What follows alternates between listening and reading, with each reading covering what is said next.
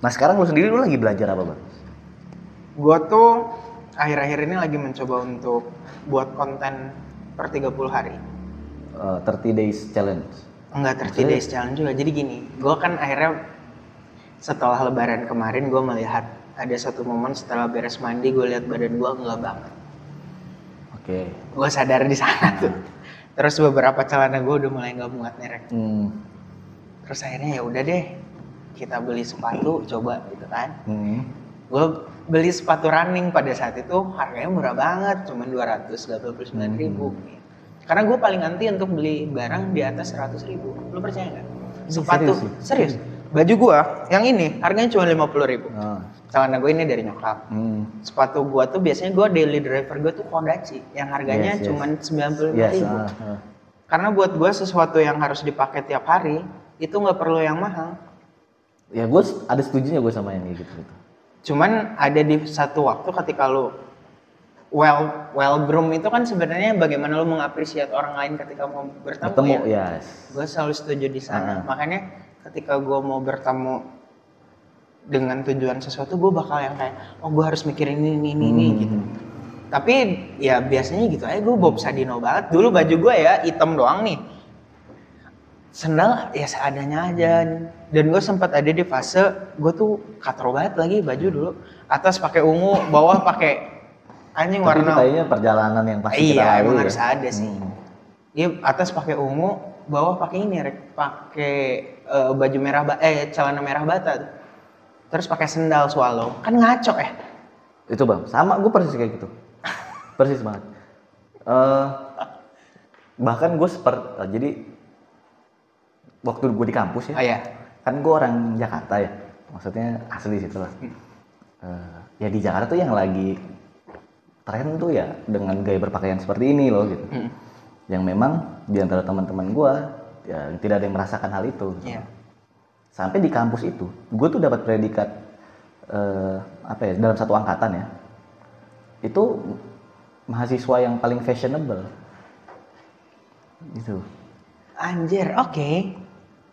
Ya, padahal menurut gua, gua nggak se-fashionable itu. Gua hanya gue beruntung karena gue tahu apa yang harus gue pakai waktu itu. Iya, Nah, sampai akhirnya gue pernah sampai fase kayak lu juga bang. Dari situ justru bukannya lebih fashionable tapi Turun. "Wah, kayaknya gue terlalu heboh nih ya kalau Iya. pakai gini. Akhirnya gue turunin semuanya. Semuanya gue turunin jadi hidup santai, pakai celana pendek, sendal jepit, kayak kaosan gitu. Nah, turning pointnya itu ternyata berdan lu tuh harus berdandan. Tapi berdandanlah untuk orang yang akan lu temui Iya, itu bukan betul. untuk lu sendiri. Nah dari situ gua anjing ternyata kalau lu nggak berdandan dan lu ketemu orang lu tidak menghargai dia. Itu betul. itu Itu dari betul. situ gua langsung Itu gua, betul. oke oke oke. Nggak bisa nih. Gue dulu tuh meeting ya sama orang datang masih lusuh. Oh iya gimana? Pakai ya sesantai mungkin pakai wah ke sini sini gue kayak kayak digampar gitu ya anjing Iya. ternyata terlalu egois juga ya kalau kita berpikir seperti itu ya Mungkin itu alasan Rolex tetap mahal kan. nah iya. Iya dong. betul betul betul Ya sebenarnya eh, kita selalu terbiasakan dengan don't judge a book by its cover gitu. Mm. Tapi lo harus ingat bahwa buku-buku yang ada bertebangan di penerbit Erlangga atau apa tuh sengaja dibikin covernya untuk menarik orang. yes first impression ya First impression, Betul. kita nggak bisa bohong ya, nggak mungkin lah. Lu mau bisa dealing sama presiden gitu, tapi pakaian lu bolong-bolong nggak banget nggak sih bro? iya iya Bahkan kalau ngedate tuh gue suka bilang si Edan ngedate. 22 tahun gue tetap jomblo nih. Oh, iya. nggak masalah Iya, ini gue mau cerita sebagai adik-adian ini ya. Anjing. Mencari mencari wisdom kan Nah, betul Gue selalu bilang kalau gue mau jalan ke beberapa perempuan yang bener-bener gue nggak kenal sebelumnya gue bakal bilang gue cuman pakai kaos ini sama ini ini. Reasonnya cuman satu biar nggak jomplangnya tuh bukan karena ada ketakutan gue dia bakal Dia cakep banget, banget enggak, gitu ya. Gue tuh cuman yang kayak takutnya lu udah dandan cakep banget terus gue kayak nggak menghargai lu udah meluangkan waktu lu Hmm. untuk dandan secakep itu. Apalagi wanita itu kan makhluk yang ingin tampil. Yes betul. Coba deh kalau misalnya lu mau bikin sakit hati cewek mah anggap aja dia nggak pernah hidup gitu. Agree setuju gua. Itu yang gue lihat. Itu sakit hati wanita paling menyakitkan. Merasa tidak ada Dianggap. tidak dianggap. Tidak ada. tidak dianggap. Nanti abis ini banyak cewek yang gini balik lagi kayak benar. gitu akhirnya gue beli brodo Hmm. sebagai terus gue ngeliat tajuk yang dia bawa tuh gue tuh selalu seneng sama movement brandingnya suatu brandnya Hmm. salah satu yang dia balikin tuh kan brodo kita taunya dulu tuh kaku nggak sih Ya, ya, cuman ya, sepatu ya. kulit Nggak dan segala lah ya. pakainya. gitu. sampai akhirnya dia bikin brodo aktif tajuknya tuh mari aktif kembali Hmm. Dari situ gue melihat apalagi gue kerja di industri jasa yang di mana gue dibutuhkan mobilitas tinggi Ya, betul. akhirnya gue create jadi 30 hari konten ini di tiap harinya gue ngelakuin running Hmm. terus gue eh, ke mana pun gue pergi gue pakai brodo gitu misalnya nah nanti tiap di akhir kalimatnya gue bakal bilang kekurangan dan kelebihannya Hmm. nanti dievaluasi di 30 hari terakhir gue bakal bilang ini loh reason kenapa lu harus beli brodo dan ini kenapa lu nggak harus beli brodo kalau lu punya duit yang lebih. Hmm. bukan karena gue dibayar brodo bukan karena gue pingin ada sesuatu dari brodo enggak tapi ini tuh lebih ke gimana caranya diri gue tetap bisa konsisten nge-create konten selama 30 hari. Iya. karena podcast gue berjalan 4 tahun ya Rek. Tapi sialnya gue lebih gue kalah sama Raditya Dika yang emang udah punya exposure sih sebelumnya. Cuman kenapa gue nggak bisa sampai sana? Apakah karena gue tidak konsisten dan segala Iya. macam? Hmm. dan ternyata emang itu. Gue lagi sengaja oh ini nih biar kayak gini. Makanya kemarin gue belajar TOR dan segala macam tapi ternyata untuk podcast gue tidak bisa kayak gitu. Iya memang benar sih. ketika gue punya tour of reference jadinya nggak hidup. Ah, terlalu ada ada guidance batasannya ya. iya.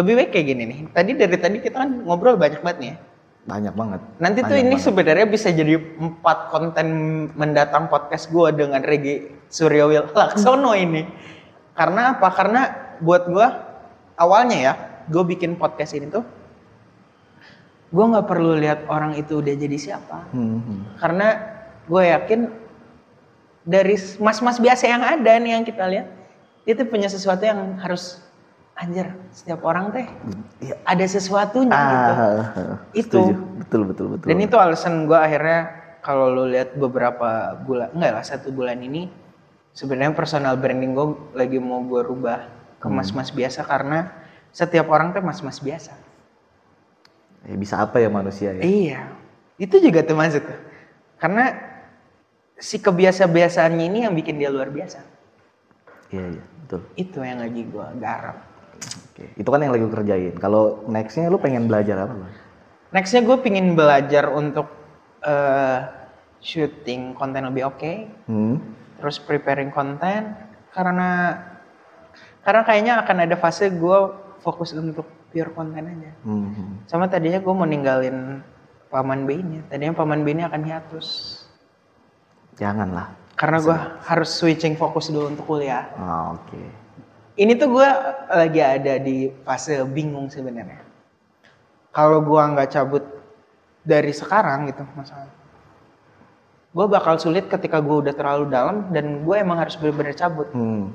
gue tuh lebih memilih untuk ya udah cabut aja sekarang. Kalau misalnya memang ada rezekinya kita bakal ketemu lagi. Itu yang lagi mau. Jadi berat. Memang berat. Kadang kita suka seneng menyiasati meromantisasi sesuatu tuh kan kayak anjing sakit banget gitu cuman ya emang harus dilakuin sih Iya. Yang perubahan keputusan-keputusan ekstrim tuh harus dilakuin. Iya, karena karena akhirnya gue sadar, lu Komang kan kemarin naik banget ya, Raim Laude. Iya. Dia yang asalnya stand up comedian udah kayak filsuf sekarang. Tapi ada satu interviewnya yang ditanya, kalau dihadapin, eh untuk menjalani hidup lebih mudah tuh kayak gimana? Terus dia bilang, saya baru sadar ini dua tahun lalu. Ternyata untuk menjalani hidup yang mudah, kita harus memilih dulu pilihan-pilihan yang sulit. Betul sekali. Setuju banget. Pilihan-pilihan yang sulit. Dari sana hidup akan terasa lebih mudah. Oh, oke. Terus gue sedikit deep breath gitu. Tapi karena gue tuh segala sesuatunya bakal gue ceritain sama nyokap kalau keputusan-keputusan besar. Mungkin itu deh yang ngebuat gue selalu merasa belum ada sosok yang pas ngedampingin gue untuk mewujudkan mimpi-mimpi gue yang besar dan terlalu jauh nandi mato itu loh. Makanya ketika gue cerita sama nyokap nyokap tuh tidak pernah yang kayak ya udah kalau dari mama tuh kayak gini kayak gini. Enggak dia tuh pasti datang dengan satu pertanyaan kalau misalkan kamu milih pilihan A apa Oke. yang bakal terjadi menurut pandanganmu? Ini loh bu. Ini gini gini gini gini gini. Oke kalau pilihan B apa? Kalau pilihan B gini gini tapi nanti gini gini gini. Oke coba menurut kamu yang lebih enak yang mana?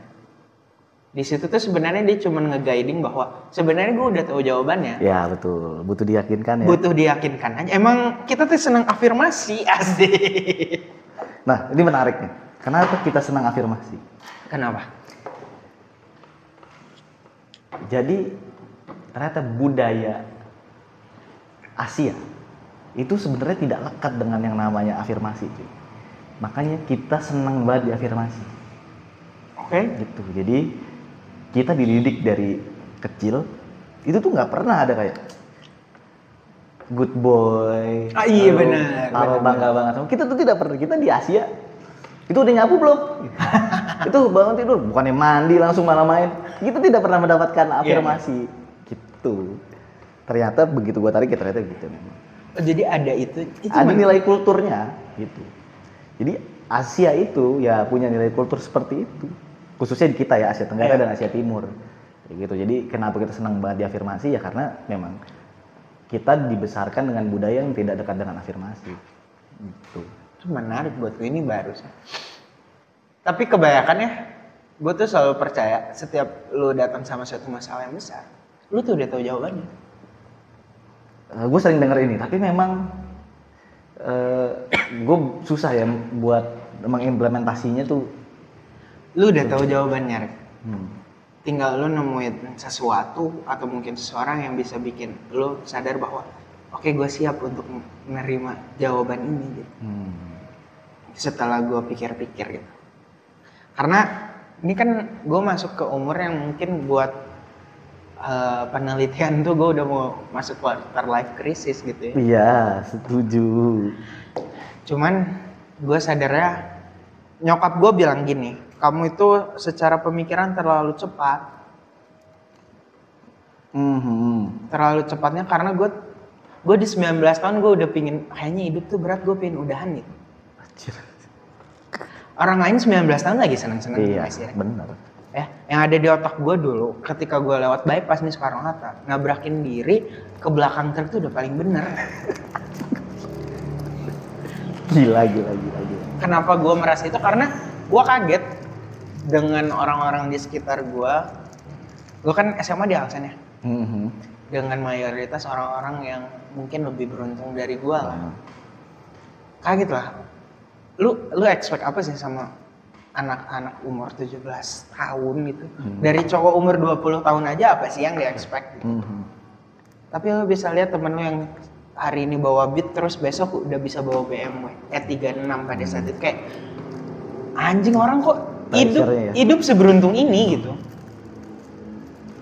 Sedangkan gue bolak-balik naik Damri kan. Lu bayangin. Nah. Anjing di situ tuh ngebuat gue berpikir gimana cara untung aja gue nggak jual ini eh, garam putih Ini eh ya gua sharing juga Iya. ya, Bang. Eh, buat gua apa yang udah lu lakuin sampai saat ini lu ketemu orang-orang di luar sana yang hebat-hebat Kang Irfan, Pimen dan lu berada di circle orang-orang yang support lu gitu. Itu justru yang diinginkan sama banyak orang yang di mana mereka tuh nggak dapet kayak gitu. Gua di umur 22 tahun, gue masih mikirin gimana cara gue bisa lulus kuliah, gue melupakan yang namanya berteman, gue melupakan yang namanya berkomunitas, gue nggak main. Kerjaan gue belajar, belajar aja terus. Jadi eh, dua umur ya itu ya umur cuma angka itu gue sangat amat setuju. iya gitu. gue setuju Jadi gimana caranya? Justru buat gue lu tuh beruntung karena lu bermain dan ketemu sama orang-orang yang pengalamannya jauh lebih daripada eh, lu sendiri gitu.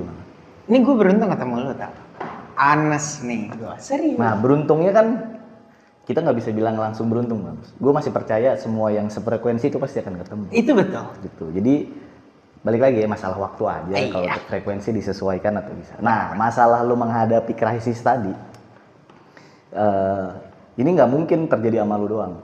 Gue pun merasakan itu. Tahun ini gue pas 30 tahun. Teman-teman gue semuanya udah menikah udah punya anak. Gue masih berkutat dengan kesibukan yang begini-gini aja.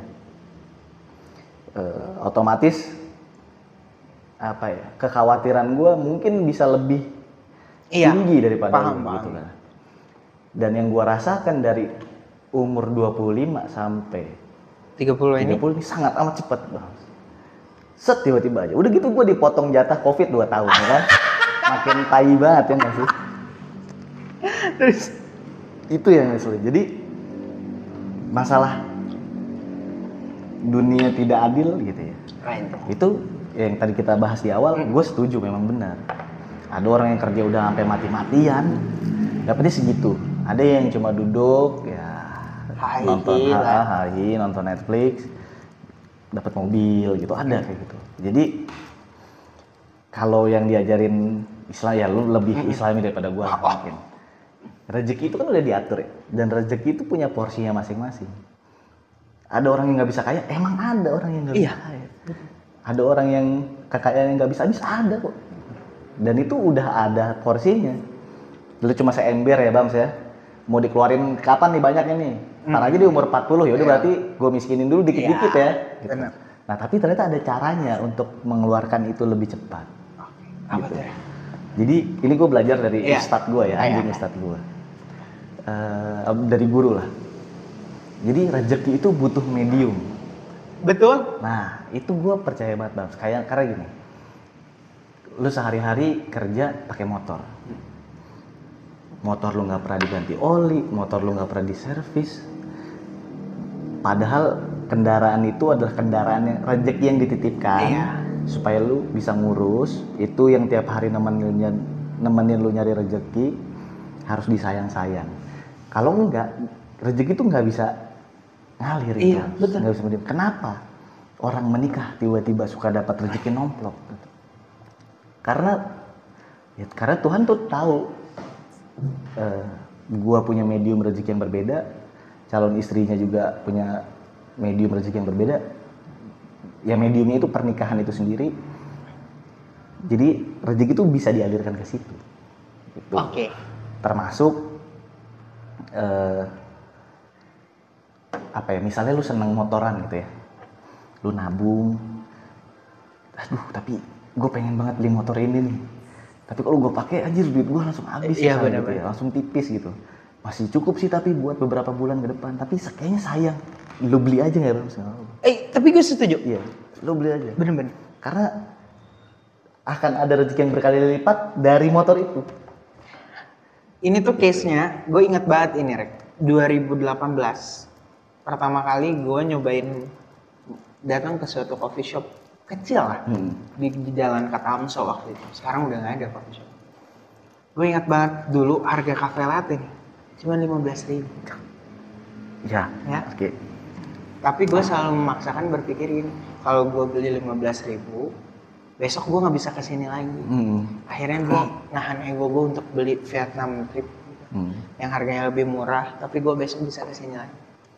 Cuman gue sadarnya sesuatu, ketika gue memaksakan kayak gitu, keinginan gue aja nggak dapet, ini tuh cuman masuk ngalir hilang iya. aja. Jadinya hati gue tuh yang kayak anjing kenapa sih, kenapa sih, kenapa sih, terus akhirnya yang paling parah tuh ketika gue bisa ngeliat temen gue dengan entengnya, ah, gue mau beli ini, beli ini, beli ini, itu kan akhirnya jadi komparasi tuh. yes betul. Tapi gue mencoba nge-break itu dengan satu keputusan kayak ya udah gue hari ini mau beli karena gue pengen kafe latte gue beli kafe latte. Seneng. Iya lah kebahagiaan Pasti gitu loh. Iya benar. kebahagiaan sama balik lagi ketika gue tuh ada juga satu sisipan kata-kata gue ingat banget Ustadz Adi Hidayat tuh bilang gini lu meragukan rezeki lu lupa apa kenapa lu bisa begitu yakin ketika pesawat terbang ke seseorang yang lu nggak tahu dia siapa Iya betul. Tapi kenapa lu harus khawatir lu bisa makan besok apa enggak kalau lu tahu Tuhan lu siapa? Iya betul. Iya, itu sering banget seliweran kita dengerin. Dan di situ gue jadi kayak, iya juga sih. Kenapa sih? Kenapa sih gue takut? Makanya sekarang ketika dihadapi dengan satu keputusan ekstrim, gue bakal bisa bilang gue memilih sesuatu yang paling sulit untuk gue tinggal. Ya, itu keputusan-keputusan sulit tadi. ya? Keputusan-keputusan sulit Biar jadi tadi. mudah di Biar ke depannya. jadi mudah di. Karena karena keputusan aja belum diambil nih, Rek. Ya. Tapi rezeki yang untuk nge-cover gue nanti ketika gue ngambil keputusan ini tuh udah datang duluan. Hmm. di situ yang gue sadar kayak oh ini loh yang maksudnya kenapa gue jangan nge-underestimate yang ngebuat gue tuh oh iya oke baik berarti ini mah udah tinggal nunggu waktunya aja gue kapan mau menyatakan keputusan Hmm. Gitu ya. Misteri rezeki itu tapi memang ya itu maksud gua eh, secara konseptualnya jangan sampai salah nangkep. Iya. Bukan berarti beli itu Iya, dalam paham, konteks hedonisme Iya, gitu iya, ya. iya. Tapi eh, ya memang ada ya itu ya rezeki itu butuh medium. Lu Iya. Kalau udah kalau lu begini aja ya Tuhan juga bingung nih gue mau Iya. nitipin rezeki lewat siapa nih. Nah, dan lagi-lagi rezeki itu juga nggak melulu seput tentang ini ya. gue setuju rek Nah, eh, yang masih sampai sekarang gue pegang bang, kalau gue keluar dari rumah atau gue dari keluar dari work gitu, eh, ya let's say nggak ada kerjaan lah. Gimana caranya? Misalnya gue keluar makan ngopi habis 50.000 ribu gitu. ya. Gimana caranya perjalanan gue ini harus balik lagi 50.000 ribu, bahkan kalau bisa lebih. Jadi eh, relasi ketemu orang itu buat gue tuh kan itu rezeki juga ya. Bersilaturahmi kan membuka pintu Iya. rezeki. Eh, ada teman-teman SD misalnya ngajakin reunian datengin aja nggak apa tapi duitnya tipis nggak apa-apa datang aja cuy gitu yang kayak gitu-gitu bams yang eh, baru berasa di gue tuh kayak anjing ternyata ini real ya ternyata bener-bener terjadi gitu loh ngeri-ngeri emang masalah apa ya kuasa Tuhan tuh nggak itu bener bener bener, bener. itu tapi gue masih gue setuju memang ini tuh mirip lah sama apa yang selalu nyokap gue doktrin ke gue ketika gue kecil. Nyokap selalu bilang gini mama nggak pernah masalahin kamu pergi ke mana. Tapi yang harus kamu ingat ketika kamu keluar rumah kamu pulang harus bawa sesuatu apa pun Hmm. itu bentuk. Betul banget. Betul banget. Dari situ gue yang sadar asalnya tuh gue males keluar ya karena mikir oh, gue nggak punya duit Iya, mau ngapain sih? Gitu kan setuju ya. Setuju sampai akhirnya ya udah deh coba deh keluar mau ketemu siapa pun dan segala tapi itu tuh yang akhirnya ngebantu gue nyampe ada di BAMS hari ini tuh gue sadarnya dari sana. Karena eh, kalau gue balik juga gue SMA temenan sama orang umur 32 tahun. Sama kayak gue sama kayak gue sama kayak gue dari SMP SMA di rumah gue tuh gue punya abang-abangan yang eh, selalu mengayomi kita gitu. Eh, itu benar dan dia tuh kelahiran 82 kalau nggak salah. Ya, gue nggak tahu tuh beda berapa tahun sama gue Ih, sampai sekarang. Makanya pada saat itu gue mikir tapi ada perasaan gue yang kayak gue tuh pingin loh nikmatin hidup kayak anak-anak seusia gue Hmm. yang lagi senangnya pacar-pacaran atau mungkin ah hidup mah nggak apa-apa hahihi yang penting duit tetap masuk tuh ada perasaan kayak gitu. Tapi di sisi lain gue terlalu tidak bersyukur kalau gue untuk melihat itu ya, itu bersyukur tuh paling susah ya. Iya. ikhlas bersyukur Ikhlas. susah banget ya. Karena makna ikhlas tuh banyak ya sangat amat banyak. Karena saking banyaknya ini kadang kita suka lupa ikhlas tuh tidak disebutkan tidak diyakini tapi itu tuh terjadi, terjadi gitu. betul. Gue ikhlas gue ikhlas tapi belum nggak bisa nggak gitu. bisa nggak bisa. Terlalu abstrak banget emang ilmu-ilmu nah agama itu gitu itu ya. emang. Emang kalau udah masuknya spiritual tuh yang kayak oh ini. Sama kayak gitu. sabar. Ih, sabar Benar. ikhlas bersyukur. Anjing itu pelajaran susah banget gue tuh pas masih kuliah dulu si ya ada ustadz juga gitu ya ngasih tahu gue dia nggak ngasih tahu jawabannya dia cuma bilang sabar itu nggak ada batasannya. Luas. Tapi ada tingkatannya. Iya ya jadi luasnya seberapa lu bisa menerima semua orang beda-beda. Ada tahapan sabar yang udah paling tinggi mungkin ya Iya, ketika orang tersayangnya dipanggil lebih dulu. Atau kita yang cuma eh, ban bocor aja nge Iya. ngerendamnya Ngeger- segitunya ngedumel, gitu iya, kan. bener-bener setuju. itu anjing tuh sulit tuh kemari gitu bang jadi jangan khawatir bang Iya. jangan khawatir gue pertama kali jadi barista ya gaji gue tuh satu juta delapan ratus bang Full time. full time Oke. 800 nya gue simpen buat sehari-hari satu jutanya itu gue habisin buat main dan ngopi dulu Oke. dulu. Kenapa? Karena buat gue relasi itu kan investasi juga. Betul. gue ngopi gue ketemu banyak orang gue ketemu ownernya mungkin berteman berkoloni berkomunitas. Nah itu rezeki sampai mungkin ya taruhlah gue bisa ada di work tuh karena gue dulu customernya work gitu jadi yang hal-hal yang tidak bisa diduga itu tuh rahasia-rahasia gitu tuh yang Gue gue setuju. Diyakini tapi sering kali jadi meragukan buat kita ragu gitu tapi bahayanya kalau sampai ragu gitu Benar. Tapi Benar. itu mirip loh. Gue di kawan tuh, gue ingat banget. Gue tuh selalu ingat sama suatu momen dan timelinenya tuh selalu ingat jam berapa. Mhm. Gue datang waktu itu bulan Januari 2021. Oke 2021 Januari. Gue duduk di sebelah mana ya pokoknya di sebelah sini gue fotoin. 6 bulan kemudian gue jadi barista. sana. Tuh, misterinya nggak masuk akal bang tapi ada jalan Iya, benar. sih Tuh, ke datang datang ke Tera lebih aneh. Gue datang ke Tera waktu itu untuk ngebantuin acara apa ya? Datang ke Tera sekali, dua kali mesin ice, eh sekali, terus dua kedua kalinya mesin ice blade tuh udah nego gaji sama Pimen. Karena gue gue selalu yakinnya gini, ada satu kan eh, beberapa bulan ini gue emang lagi ngurangin waktu shifting karena gue pingin beresin kuliah gitu. Hmm. Terus ada satu pertanyaan kayak gini, Bam lu seminggu dua kali ya emang cukup buat lu kerja hahi dan segala macam.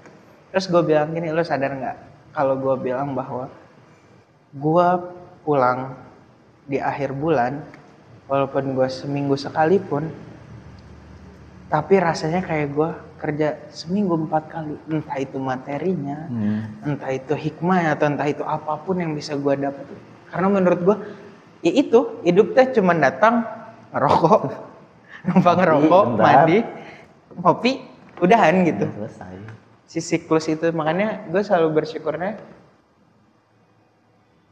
apa ya dulu dulu tuh gue sempet punya prinsip tuh kalau kerja tuh anggap aja ini kerja terakhir lu Hmm. tapi dari sana gue merubah sesuatu. Kerjalah kayak besok lu bakal ketemu lagi sama kerjaan ini. di switch biar lu jadi Iya, karena kalau gue kesannya selalu meninggalkan, itu bakal jadi suatu efek domino di akhir dan lu ngerasa pengen anjing gue tuh pengen cabut gitu. ya ya Dan gue percaya semua hal yang dilakuin dengan bukan passion gue nyebut. Setiap orang tuh punya magisnya masing-masing ya.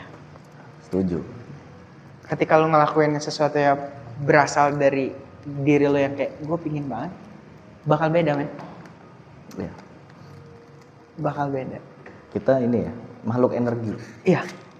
Dan itu yang nyebabin gue gue nggak pernah punya katalog bam bersua kalau gue nggak tahu orang di belakangnya.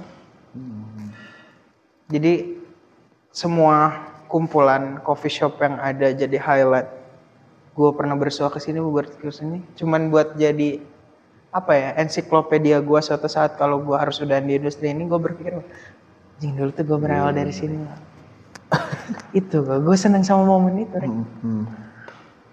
Harus sih harus record kita eh ya time flies but momen Enggak. enggak ya makanya mau lu udahan sama yang A, B, C, D, tapi lu bakal selalu ingat ketika jam segini lu ngelakuin ini, entah itu baik atau buruk, tapi anjing itu teh, itu teh kadang bisa menjadi hal yang paling manis, atau itu teh yang bikin lu jadi dewasa hari ini. iya yes bagus. Keren itu keren. Benar benar Gokil banget nih, ngobrol sama Regi sudah 1 jam 24 menit.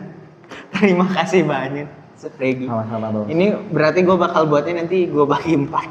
Jadi beberapa stage biar menyenangkan. Benar. Biar nggak terlalu berat banget. biar nggak terlalu berat banget dibuat fun edan dan terima kasih Regi untuk Sama-sama Bams. uh, see you in the next episode. I'm Bams. Bye bye Thank you.